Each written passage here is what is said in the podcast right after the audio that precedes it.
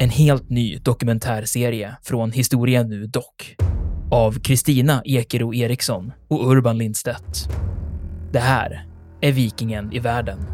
Vikingarna, de var inte något främmande folk. Sannolikt är det ett slags tempel, ett kulthus helt enkelt. Enligt legenden så är rykiderna skandinaver. Från skeppet och bränslet och slavinnan och hennes herre hade blivit till aska.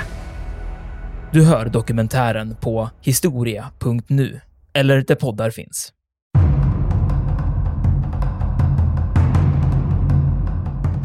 Jag tolkar det som att det här är anledningen till att man till slut ändå väljer att gå mot de här öarna mitt i centrala Stilla havet är just för att man får tillgång till B29 och den då öppnar ett nytt vad ska man säga, strategiskt tänkande. Den tillåter, och, okej, vi har inte tidigare tänkt att vi haft möjligheten att slå mot den japanska industrin på det här viset, men med B29 så har vi ett bombplan, ett tungt bombplan som kan nå hela vägen och tillbaka. Räckvidden sätter väldigt tydliga gränser och det är därför också hangarfartygen är så centrala i det här.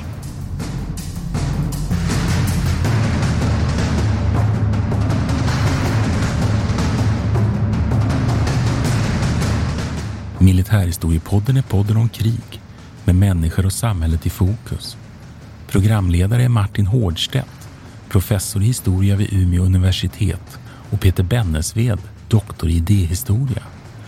Podden ges ut av förlaget Historiska Media. Stöd gärna MH-podden via vårt swishnummer 123 610 76 68. Märk betalningen med MH-podden.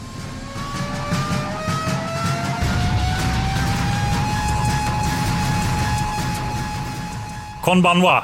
Välkommen till Militärhistoriepodden. Det här var Peter Bennesved. Och det här är Martin Hårdstedt. Hörru du, vad var det där för någonting? Ja, men det är ju god kväll då på, på japanska. Jag tänker dagen till ära tänkte jag inleda med lite japanska skills. Jag kan inte se jättemycket mer, men jag har för mig att man säger dozo yoroshiku när man har hälsat på någon också. Det är någon slags ett sätt att vara trevlig. Men någon, någon, någon, annan kan eh, säkert förklara för mig exakt vad man säger. Men jag tänkte säga detta på grund av att nu är ju temat Stilla havet. Och vi fortsätter eh, andra världskriget-serien här med att ge oss in på andra sidan eh, Nordamerika. Ja, och då är det så att vi kommer att då i det här avsnittet av Militärhistoriepodden idag då framförallt att syssla med lite öhoppning, skulle man kunna säga, i den centrala delen av Stilla havet, men också Nya Guinea och eh, försöken att eh, ringa in då den stora japanska basen Rabaul som ligger på de nya brittiska öarna, som det faktiskt heter. Och jag skulle vilja uppmana lyssnarna då till att faktiskt ta fram en karta.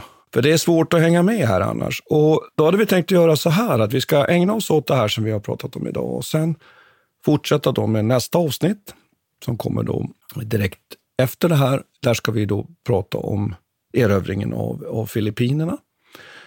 Och sen tänkte vi då avsluta vår serie om andra världskriget, i alla fall när det gäller händelseförloppet. Vi kommer ju ha anledning att återkomma till, till vad ska vi säga, lite mera detaljer kanske i andra världskriget, lite mer teman och olika saker som vi vill plocka upp i framtiden.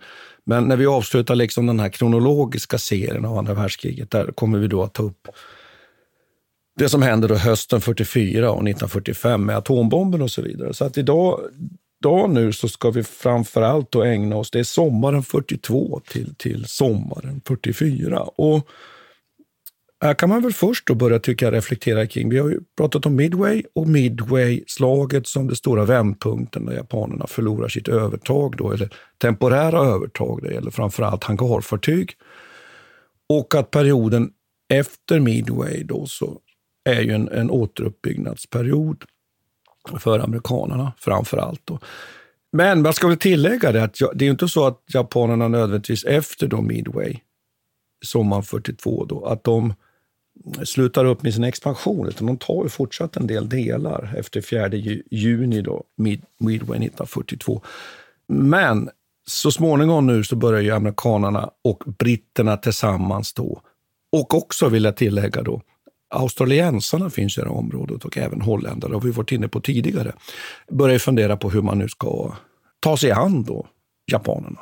Just det, två, två kommentarer på det. För mm. jag, ofta när man läser litteraturen så står det de allierade, men för mig är det här ett tydligt amerikanskt krig, eller ett, är USA som står för det här. Men när man säger allierade så är det egentligen det du, precis det du sa nu, att det man syftar på det är australiensare och holländare som är även, jag vet inte, britterna, vad spelar de för roll här? Nej, utan framförallt skulle jag vilja säga så här att britterna är ju en partner när det gäller diskussionen om vad man ska satsa på. Britterna är ju amerikanernas stora samarbetspartner i Europa. Och det kan vi väl direkt säga här, att det finns en dragkamp mellan vad man ska satsa på. Och man är överens mellan britter och amerikaner och det sker ett antal konferenser och träffar under de här åren mellan då Roosevelt och Churchill och också deras staber där man ju är helt överens om att det är Tyskland först. Och det uppfattar ju även Roosevelt faktiskt som, som det största hotet ändå på något sätt mot, mot världen om man säger så. Och de har ju visat sig så otroligt kompetenta, alltså Nazityskland på det sättet att föra ja. krig vid det här laget.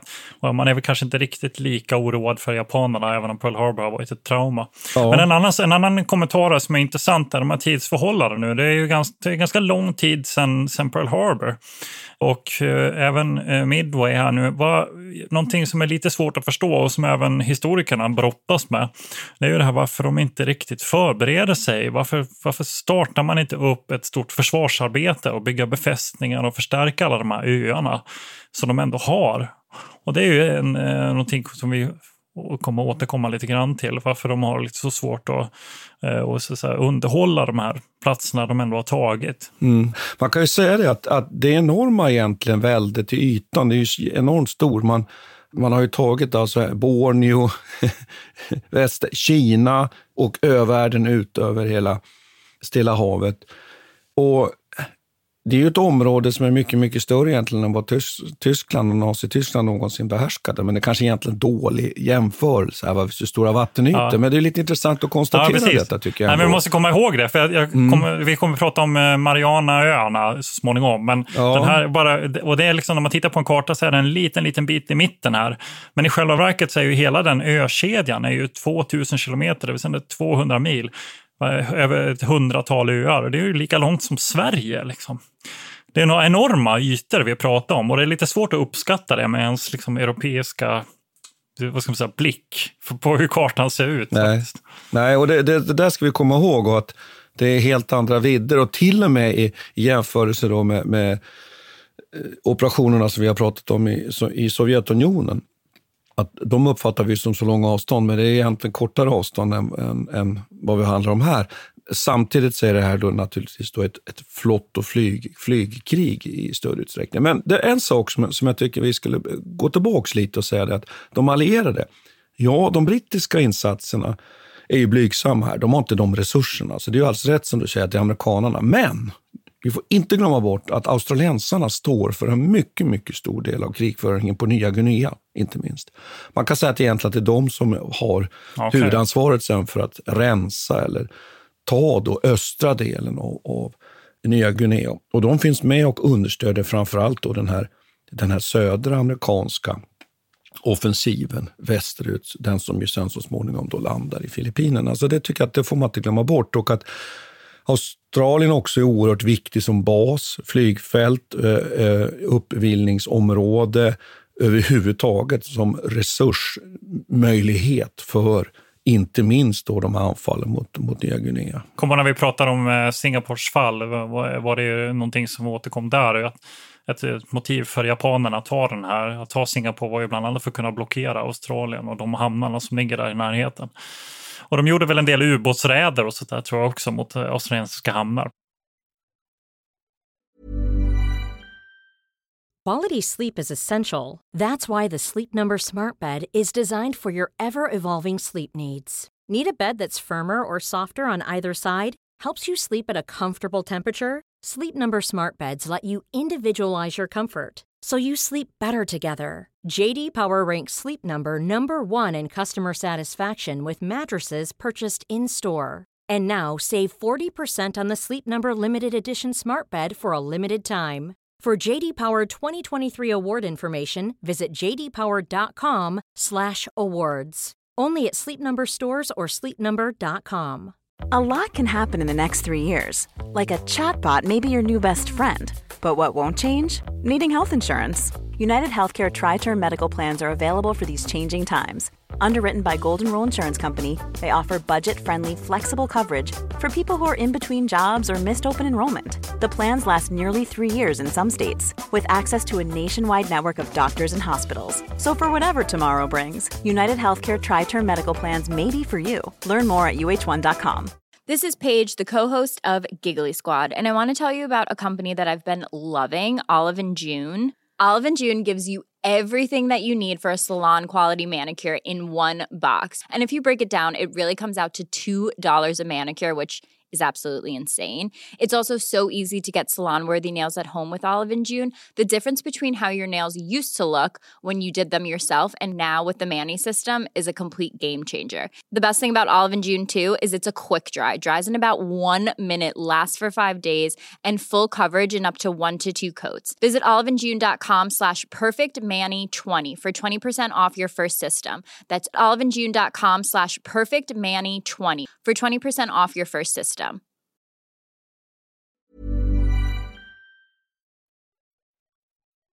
Men du, jag funderar på det här, eh, det är så jävla enorma områden. Va? Vad är det för strategier man ska ha nu då? Nu är ju öarna ligger ju inte jämnt utspritt heller, utan det är ju en blandning av olika kontinental, eh, alltså öar som har uppkommit av kontinentalsprickor och vulkanöar och så här. Och det finns ju två olika sätt att ta det egentligen. Den, den nordliga passagen är väl inte den första man tänker sig, utan snarare är det väl att man vill egentligen gå söderöver. Och det, det här är ju det som diskuteras. Närmare, ja. Det, ja, precis. För då blir det väl mm. närmare. Eller jag, som jag, om, man, om man bedömer då, liksom geografin så, så går det ju ett pärlband av öar. Från Filippinerna till Nya Guinea, bort till mm. Solomonöarna. Ja, så att ett sätt ja. att attackera, tänka sig ja. nu att man anfaller då, det är att man går via, som du säger, eh, de här stora områdesöarna, Nya Guinea, och sen går man mot Filippinerna, så tänker man sig kanske att man går den vägen upp mot Formosa och så får man då, dagens Taiwan kan jag ju tillägga då. Och så lyckas man då få det som man väl egentligen är ute efter här, som vi är väl ganska överens om att man tolkar, det är att få möjlighet att sätta in sina moderna bombflygpombar, B-29, för att kunna på allvar påverka de japanska öarna.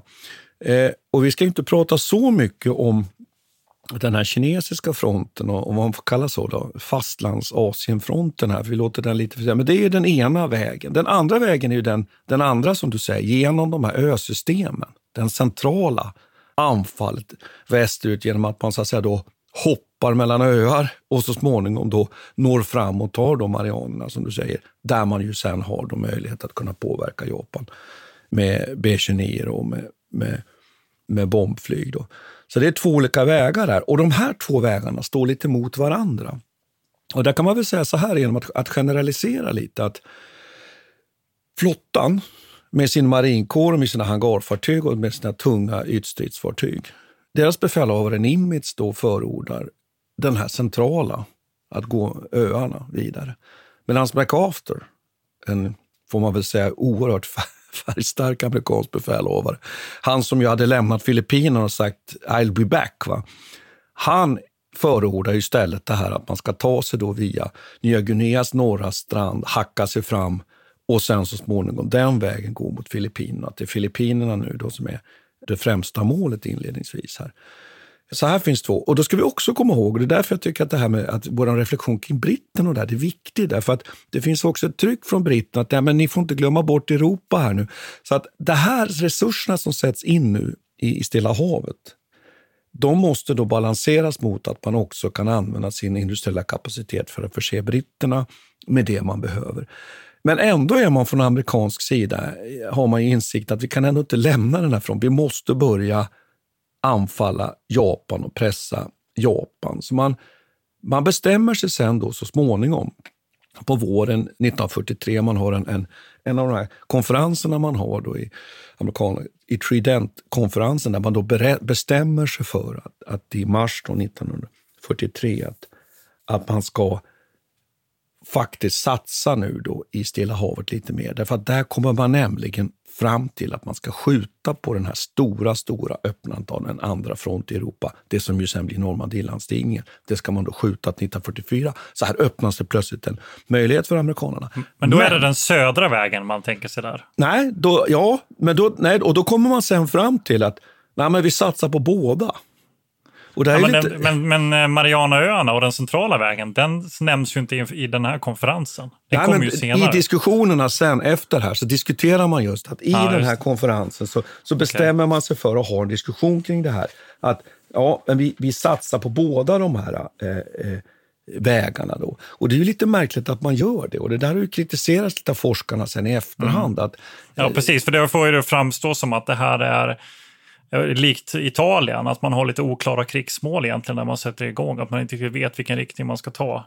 Ja, det, var så jag, det var så jag tolkade det. Men jag, jag fattar det inte som att det, det diskuterades något särskilt. Ja, det är möjligt att de diskuterade, men det kom, de kom aldrig till något beslut om att den centrala vägen skulle nej, tas. Nej, det gör man nej. inte. Men man har en diskussion nej. kring de här två och sen så småningom så kommer man fram till att vi satsar på båda de här två. Och det som är spännande då är ju att, att det är ju helt emot liksom den här kraftsamlingsidén som, man ju, som ju alltid är förhärskande i militära sammanhang, nämligen att man ju alltid satsar på ett kort. Då. Men då kan man säga så här att det här blir ju väldigt lyckosamt. Därför att det som är målet med den här södra attacken längs med Guinea, den är att man vill ringa in och neutralisera. Inledningsvis tänker man att man ska ta, men man inser att det kommer det kommer inte gå. Vi kommer till sen liksom varför det är så. Det kan vi släppa direkt, att det visar sig att det, är väldigt, det blir väldigt, väldigt hårda strider. Och förlusterna på amerikansk sida blir så stora så att det inte är riktigt motiverat. Men den stora, stora basen i den södra delen av Stilla havet, i, i det här japanska väldet, det är ju Rabaul. Och den ligger just då på, på New Britain, eller på Nya Britannien. Och den basen, det finns alltså en garnison med 90 000 japanska soldater och flygstridskrafter. Och den här vill man då neutralisera. Och då bestämmer man sig för att, att det är det som är det viktigaste i söder att göra. Och sen tänker man sig att man också då går den här centrala vägen för att snabbt få möjlighet att flyga in över japanska öarna. Då. Så det där har vi det.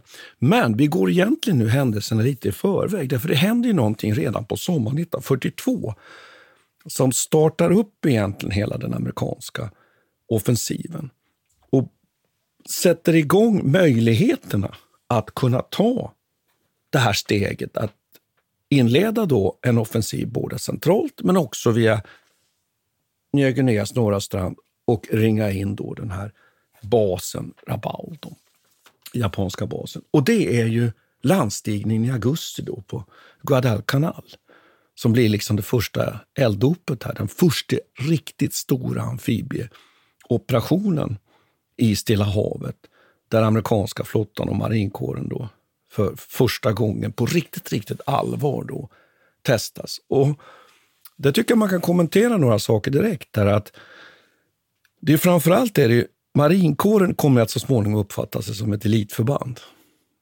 Därför att man har, har då den här specialkompetensen att göra såna amfibiska operationer. Marinkåren finns ju hos Nimitz då, sjöstridskrafter för den här centrala delen.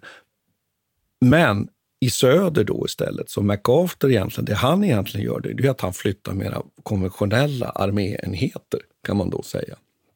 Och gör mer såna klassiska landstingsoperationer som vi ibland har pratat om i avsnitten om Italien och så vidare. Och där så det finns en viss skillnad här. Så att just det här, eh, det här med marinkåren. Marinkåren som är idag, den amerikanska marinkåren idag, är ju, den är ju större än vad brittiska armén är. Liksom. Det är ju en enorm styrka. Och att just det här att man nu börjar lära sig att använda luft, sjöstridskrafter och en sån här speciellt utbildad landstigningsstyrka. Det är ju någonting som är speciellt. Nu är det så att Guadalcanal, då går det ganska lätt inledningsvis. Man kommer, i, man kommer i land. Men sen börjar ju helvetet. Därför då visar det sig att japanerna är inte beredda att släppa det här, eh, tillför faktiskt en del för, eh, förstärkningar och sen pågår då de här stridande. Det nöts ju på där i flera, i, i flera månader på Guadalcanal. Och det som också är så speciellt och skälet till att man naturligtvis vill ta Guadalcanal, Guadalcanal var lite svårt det där. det är att man vill komma åt flygfältet som finns där. Och det är halvbyggt, men det bygger man färdigt så kallar man det för Hendersons Airfield. Och Hendersons var en, en, Henderson var en pilot som stupade i Midway-slaget. Marinpilot. Eh, och så får man möjlighet att få ett flygfält, för det är ju viktigt. Man måste ju ha flygfälten. Alla de här striderna nu handlar ju om att få flygfält för att kunna understödja nästa anfall. Och det som händer nu här nu är att japanerna inser ju nu att nah, nu har vi en chans här. Nu kan vi kanske åsamka amerikanerna ett nederlag genom att vi nu anfaller och försöker återta Guadalcanal, men framförallt slår mot amerikanernas sjöstridskrafter, flotta som ligger då och understöder Guadalcanal. Så här kommer nu att i, kring då Guadalcanal så kommer det att utkämpas då ett serieslag, ett antal stora sjöstrider då, där amerikanerna får värja sig mot eh, japanerna. Och bland annat i ett av de här slagen så lyckas japanerna snika sig på den amerikanska flottan och sänker fyra stycken kryssare. Och sen så, så tävlar man liksom om att, att vinna och förlora de här slagen. Men i, i summa summarum så är det ju så att amerikanerna ändå går segrande ur det där, de där striderna. Man lyckas försvara den här landstigningen på Guadalcanal och så småningom så måste japanerna kasta in handduken och evakuera Guadalcanal. Och spännande där tycker jag är, är, är jag ska bara säga det lite här att det är ju det här nu med förlustsiffrorna, Peter. Mm. Va? Menar, man sätter in då man sätter in på Guadalcanal då sammanlagt så småningom 60 000 amerikanska soldater. Av dem, de stupar då 7 000 och japanerna, ja, japanerna de har ungefär 36 000 man. De här siffrorna är ju lite sådär. Då. Ja. Men alltså förlorar då nästan 20 000 döda. Man lyckas faktiskt evakuera en del soldater. Och då ska jag säga att jag sa stupade där. Vi sa jag det, 20 000 stupade. Det är faktiskt, det är faktiskt lite fel. För alla de där dör, dör inte i strid, utan de dör av sjukdomar och olyckor och drunkningar och sånt. Men ungefär 8 000 stupar i strid. Där då. Mm. Men Martin, jag fattar inte varför slår de inte mot uh, USAs försörjningslinjer i första hand? Det är, så, det är så obegripligt. Nu är USA det är det de sin försöker, flotta... Det, ja, ja, det, ja, det är ju det de försöker göra. Va? De försöker slå mot så att inte den här, den här amerikanska landstigningsstyrkan på Guadalcanal kan få förstärkningar. Det, liksom, det är ju uppenbart. Va? Det är ju därför de mm. anfaller den här flottan. Då, va?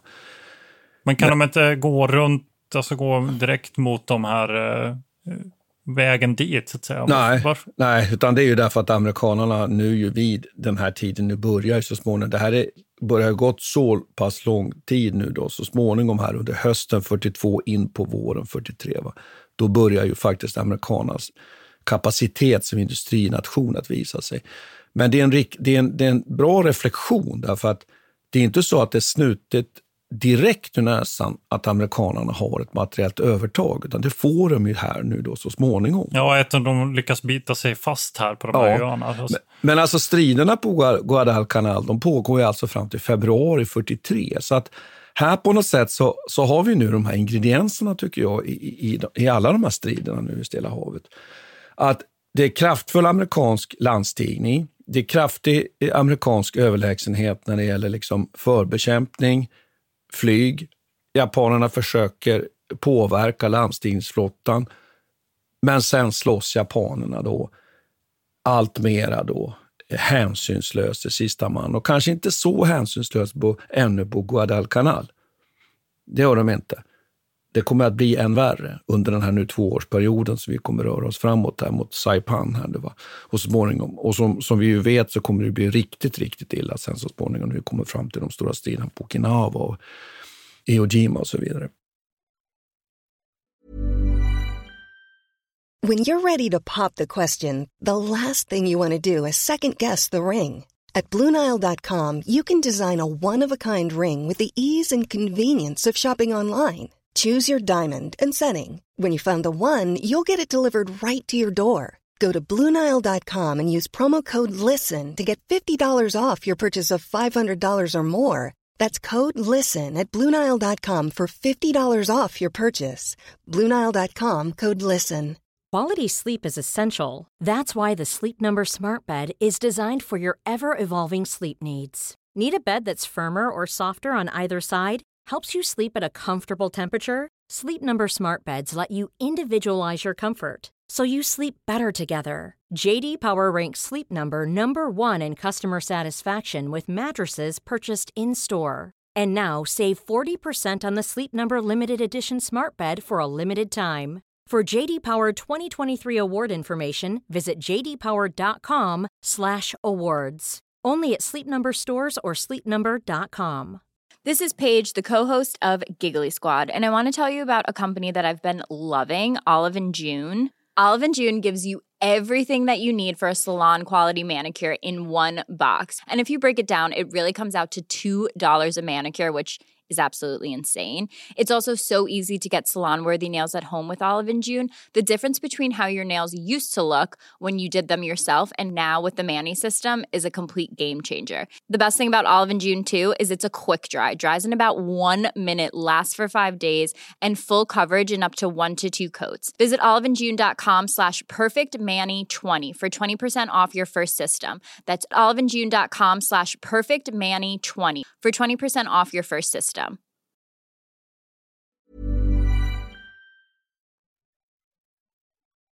Efter Guadalcanal då har man etablerat ett flygfält. Och då så bestämmer man sig för den här eh, eh, planen, Cartwheel. Och då attackerar man både norrifrån längs med då Salomonöarna och sen går man söder om. Och då är det så att MacArthur går söder om och tar så att säga norra kusten av Nya Guinea och sen hjälper då Nimitz till då från sitt håll med flottan att ta de här Solomonöarna. Och så småningom då så har man lyckats i slutet då av 43, under 43, att, att ringa in den här Raubal. Då. Men man anfaller inte Raubal, men man har lyckats neutralisera Raubal och man har också lyckats genom flygpåverkan helt enkelt få ner möjligheterna för Raubal att överhuvudtaget liksom fungera. Och där sitter liksom japanerna fram. Och sen tar man inte Raubal, utan man bara isolerar Raubal och stänger in det. Då inleder man på riktigt, riktigt allvar då, det här anfallen då på den centrala fronten. Då. Och då börjar man ju hoppa mellan de här öarna. Och där då avslutar man ju den sista, sista riktigt avslutande då, striden, det är ju just tagandet av Saipan, ön Saipan i Marianerna. Och den striden skulle vi då kunna jämföra då med den här striden, Guadalcanal, den första striden.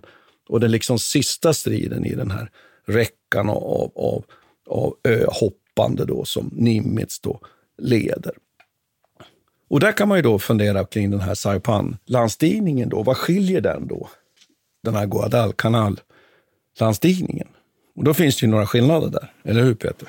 Ja, ja, ja precis. Vi kan eh, säga några andra saker först också om Saipan för att få lite, få lite känsla av var vi är nu någonstans och det, det enorma avstånd som jag nämnt här innan. Det som är lite intressant med det här nu är att den här ögruppen, norra Marianerna, eller Marianaöarna, de ligger som i ett pärlband då, ganska mitt i här. Om du tänker det här Rabol som du pratade om, om, om man drar liksom ett streck från Rabol rakt norrut mot Japan. Då ligger Marianaöarna som en liksom sköld mitt på ungefär och som skyddar den här transportvägen.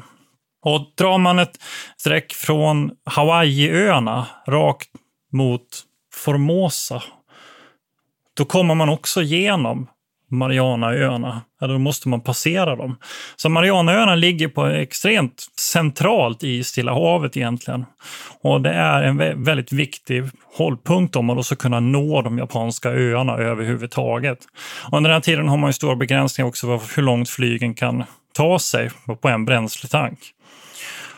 Och det som jag tycker är intressant här då, det är ju att den här nya B29 som du har nämnt ett par gånger, och jag tolkar det som att det här är anledningen till att man till slut ändå väljer att gå mot de här öarna mitt i centrala Stilla havet är just för att man får tillgång till B29 och den då öppnar ett nytt vad ska man säga, strategiskt tänkande. Den tillåter, okej, okay, vi har inte tidigare tänkt att vi haft möjligheten att slå mot den japanska industrin på det här viset, men med B29 så har vi ett bombplan, ett tungt bombplan som kan nå hela vägen och tillbaka.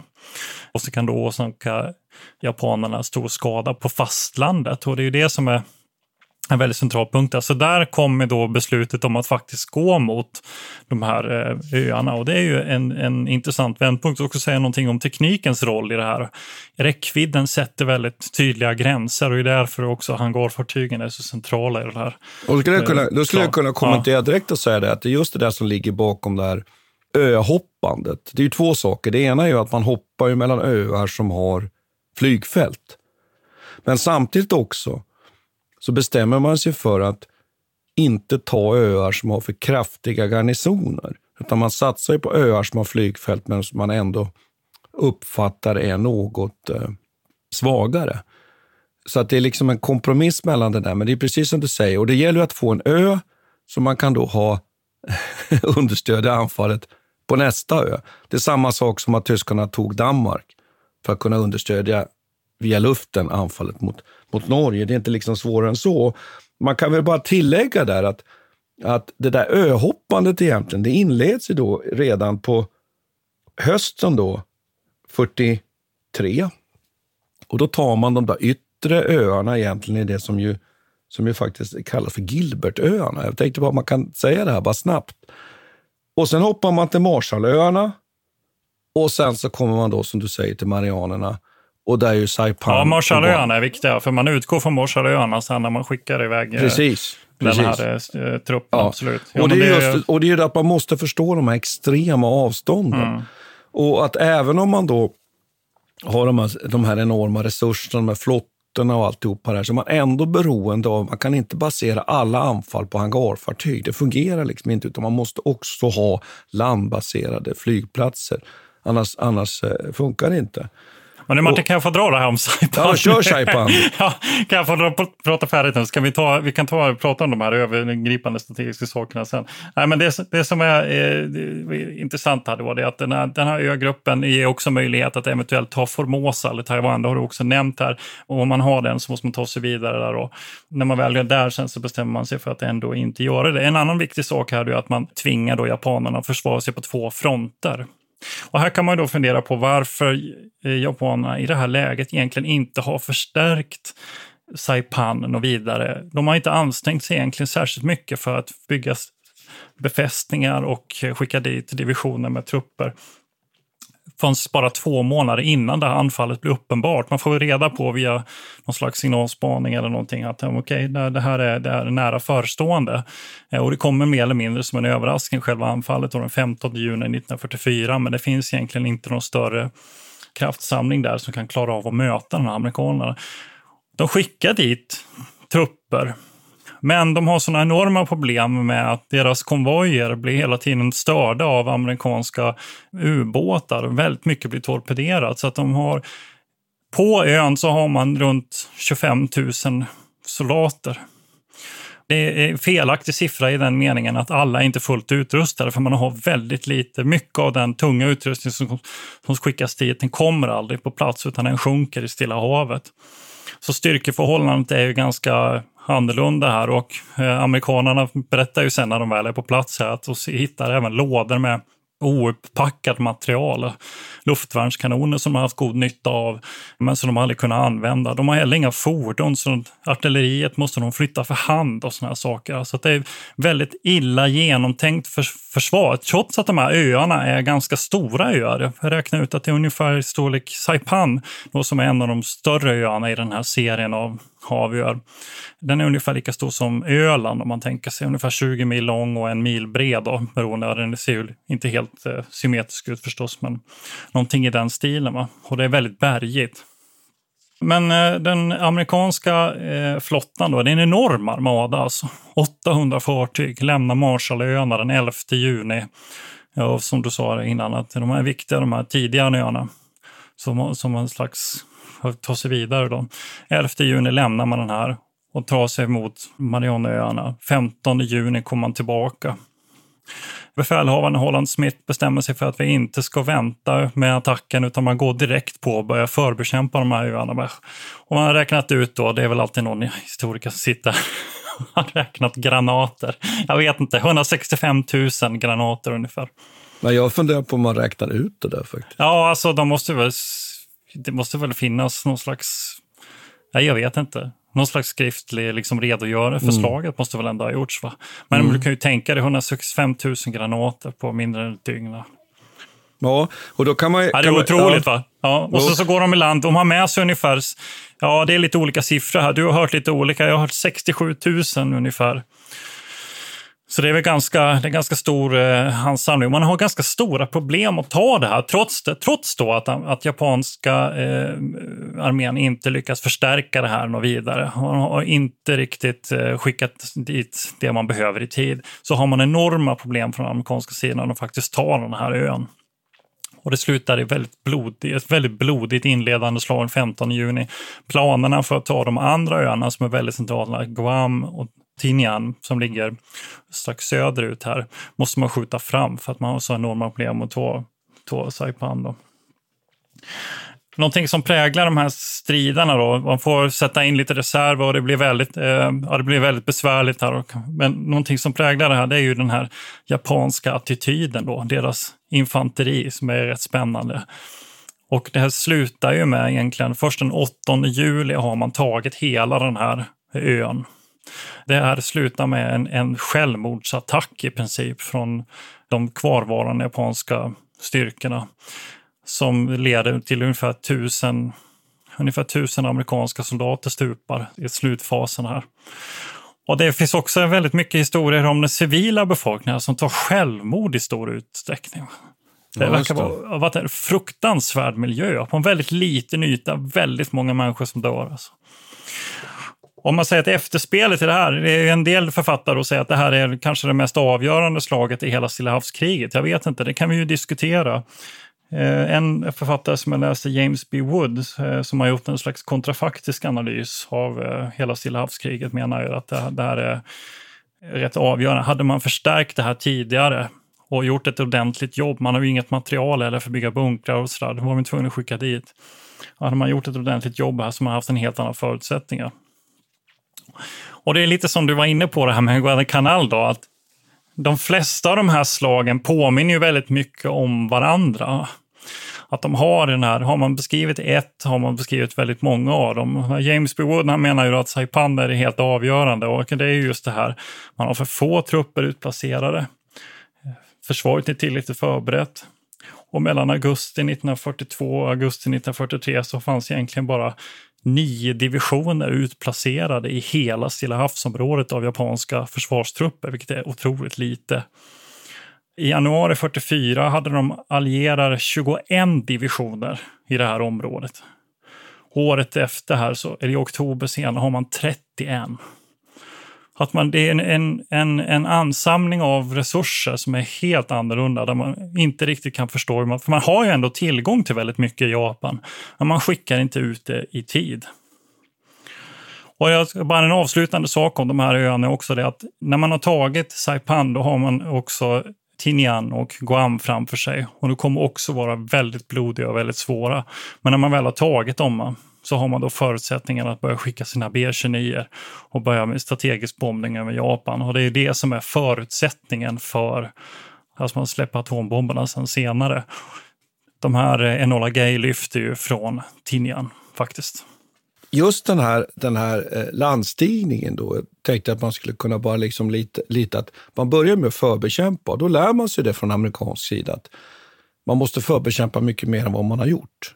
När man börjar ta de första öarna där på hösten 43, nu har det nästan gått ett år. De har ju på, hållit på med det här ö, hoppandet. Va? Men när man börjar med det här då på, på hösten 43 på riktigt allvar, man tar det här Tarawa och, och, och Mankin, i Gilbertöarna. Där inser man att ah, men vi måste skjuta mycket, mycket tyngre och mycket, mycket längre förbekämpning. Och det, det, det har man ju lärt sig då till Saipan, va, som du säger här. Samtidigt är det ju så att det har inte så stor effekt. för att de japanska soldaterna har, har ju grävt ner sig i, i bunkrar under jord. Mm. Ja, de är mest, mest under jord. De Ja, gräver ut precis. sig. Det är det, det, är det och de Ja. också lär sig från sitt håll. Ja, och, och att de också befinner sig inne. För här har vi också en intressant sak. att Inledningsvis, vid de här första landstigen, vid Tarawa och Mankin, i början på det här öhoppandet, där, då försöker japanerna faktiskt möta amerikanerna så tidigt som möjligt. Till och med slå, försöka slå dem när de är på väg in mot stranden. Men sen då, under sommaren 1944, då, då får man ett mycket tydlig order för att nej, så ska vi inte ska göra. Släppa in dem, vi ska släppa in dem Ja, och sen ska ja. vi nöta ut dem. Och det här som du säger, de här, den här eh, eh, vad ska jag säga, självuppoffrande sättet att kriga. Det att, man ska inte säga på alla de här ställena, men i stort sett på alla de här ställena så förintas ju de här garnisonerna till sista man. Det, det, är, det är först lite senare som, som vi ser japanska soldater ge upp och det här tycker jag är ju någonting som är kusligt eh, fascinerande. Och just du säger de här Banzai-anfallen och det här. Att det här är en ingrediens som den amerikanska armén liksom måste helt enkelt eh, hantera. Att man är tvungen att bekämpa. Bekämpa, nedkämpa och döda varenda japan-soldat i stort sett innan man har tagit ännu. Precis. De pratar om det här med spiritual power, eller på, på engelska då, någon slags spirituell kraft som de har med sig, som japanerna har, som amerikanerna, de anser att amerikanerna inte har. Och att de använder det, eh, tyvärr, för, eller inte tyvärr, det var rätt skönt att det gick dåligt för dem, får man ändå säga, men, men eh, de försöker ju ha ett tankesätt där man kan ersätta sina materiella underskott med den här spirituella kraften, Bushi här bushido egentligen. Det är någon slags kamp, kämpaglöd va, som de Mm, tänker sig att de har. Och det, är ju, det, och det får, kommer ju till uttryck då att ja, men till exempel då på Saipan, ja, det är ju, jag tror att de sa 25 000, de har 29 000 eh, man där faktiskt. Och alla dör mer eller mindre. Ja, så är det. Medan, medan, medan de amerikanska soldaterna de har faktiskt enorma förluster också. De, har, de förlorar ungefär 16 000 man här, men det är ju skadade då inräknade i detta. Det är ungefär 3 400 som dör. Det är mycket också. Det är mycket det, också. det är det, men det är ändå, det är ändå liksom lite inte- jämfört med de japanska förlusterna. och det är ju, det är man ser ju här en enorm skillnad i sättet att vad man ska åstadkomma i krig eller vad man tänker sig att den yttersta gränsen är för de här soldaterna. Och det är ju, det är ju väldigt intressant att det är, det är inte bara två nationer som möts här utan det är två olika sätt att kriga, två olika kulturer på det viset. A lot can happen in the next three years. Like a chatbot may be your new best friend. But what won't change? Needing health insurance. United Healthcare Tri Term Medical Plans are available for these changing times. Underwritten by Golden Rule Insurance Company, they offer budget friendly, flexible coverage for people who are in between jobs or missed open enrollment. The plans last nearly three years in some states, with access to a nationwide network of doctors and hospitals. So, for whatever tomorrow brings, United Healthcare Tri Term Medical Plans may be for you. Learn more at uh1.com. Planning for your next trip? Elevate your travel style with Quince. Quince has all the jet setting essentials you'll want for your next getaway, like European linen, premium luggage options, buttery soft Italian leather bags, and so much more. And is all priced at 50 to 80% less than similar brands. Plus, Quince only works with factories that use safe and ethical manufacturing practices. Pack your bags with high-quality essentials you'll be wearing for vacations to come with Quince. Go to quince.com slash pack for free shipping and 365-day returns. Cool fact a crocodile can't stick out its tongue. Also, you can get health insurance for a month or just under a year in some states. United Healthcare short term insurance plans, underwritten by Golden Rule Insurance Company, offer flexible, budget friendly coverage for you. Learn more at uh1.com.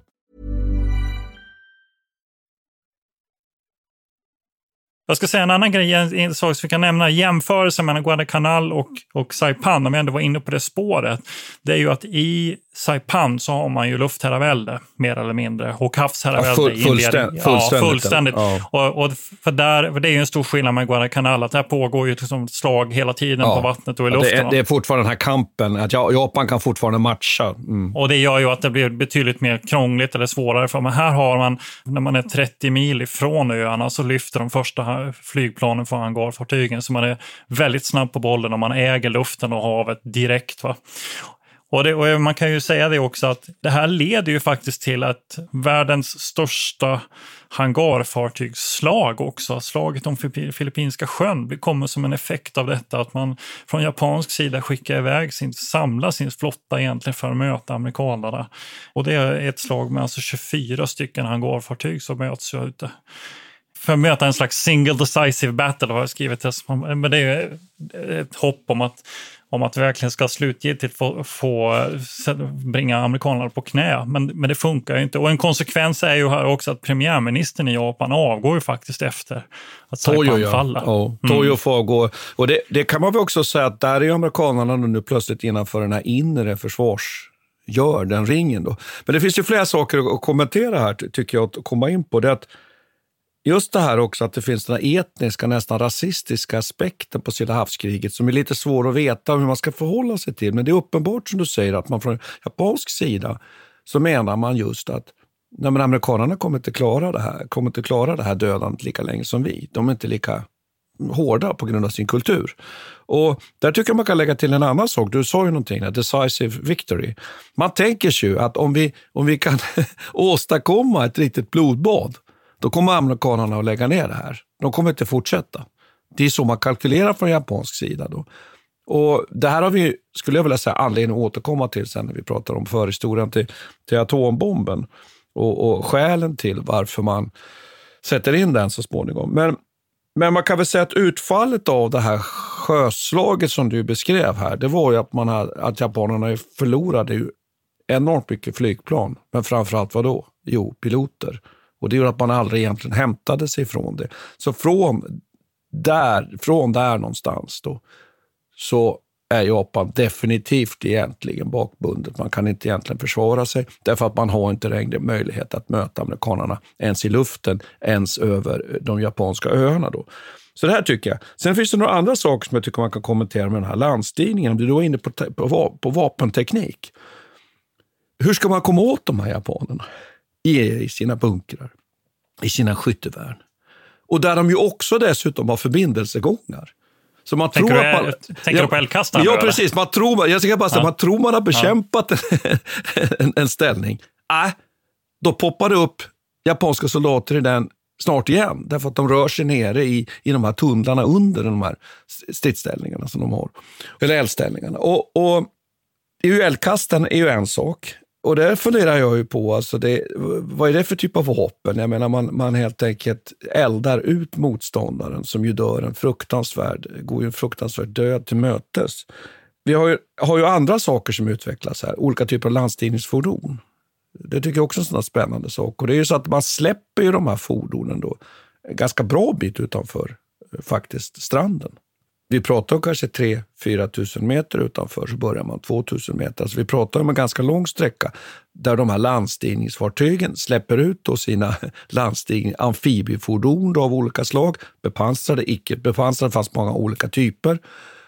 Och så ska man då ta sig in mot, mot, mot stranden. Så att det där är också en teknikutveckling. Och genom att man har de där då fordonen som är beväpnade då med granatkastare eller med olika typer av kulsprutor eller lättare kanoner så har man ju ett direkt understöd. Och sen har man ju då naturligtvis lätta stridsvagnar också som kan ge understöd på stranden direkt. Och det där tycker jag också är någonting som man kan komma ihåg att här storövar man ju egentligen från inför landstingen i Normandie också. Ja, man, man, lär sig ju hur man, ska, hur man nu ska, ska göra det här.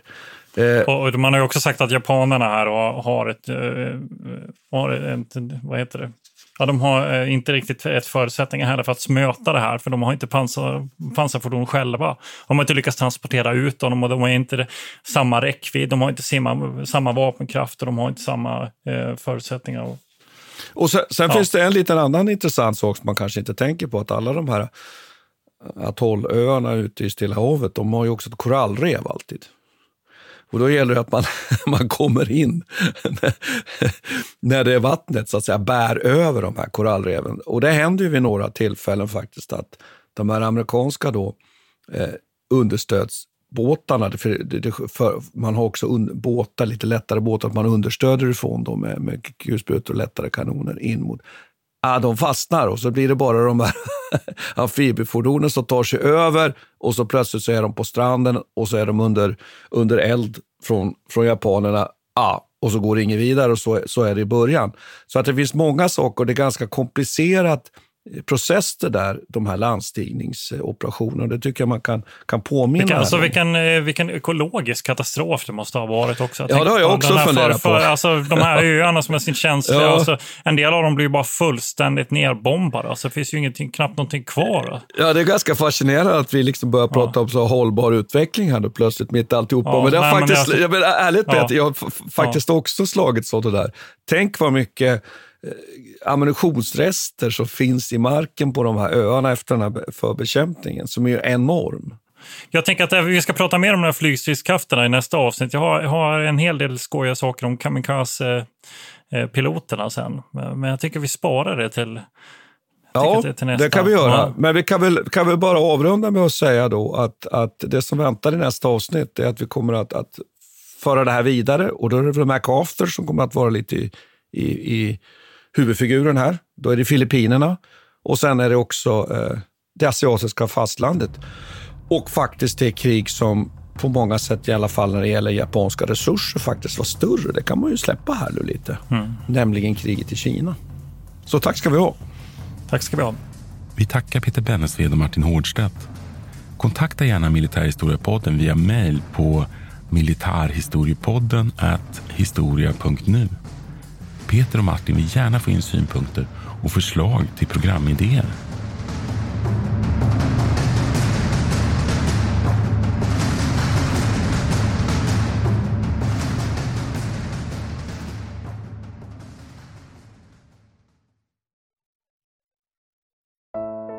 Iran har under 1900-talet genomgått tre omvälvande revolutioner som orienterat landet antingen mot västerlandets modell eller mot en auktoritär styrelseform. Idag pågår en social revolution i landet som vänder sig mot det islamistiska styret och vars anhängare har Europa och väst som förebilder. I en viktig bok ger idéhistorikern Mohammad Faslashemi en djupare förståelse för dagens dramatiska händelseutveckling. Iran mellan tre revolutioner är utgiven av förlaget Historiska Media. Beställ den fysiska boken på förlagets hemsida historiskamedia.se eller köp den i en bokhandel nära dig.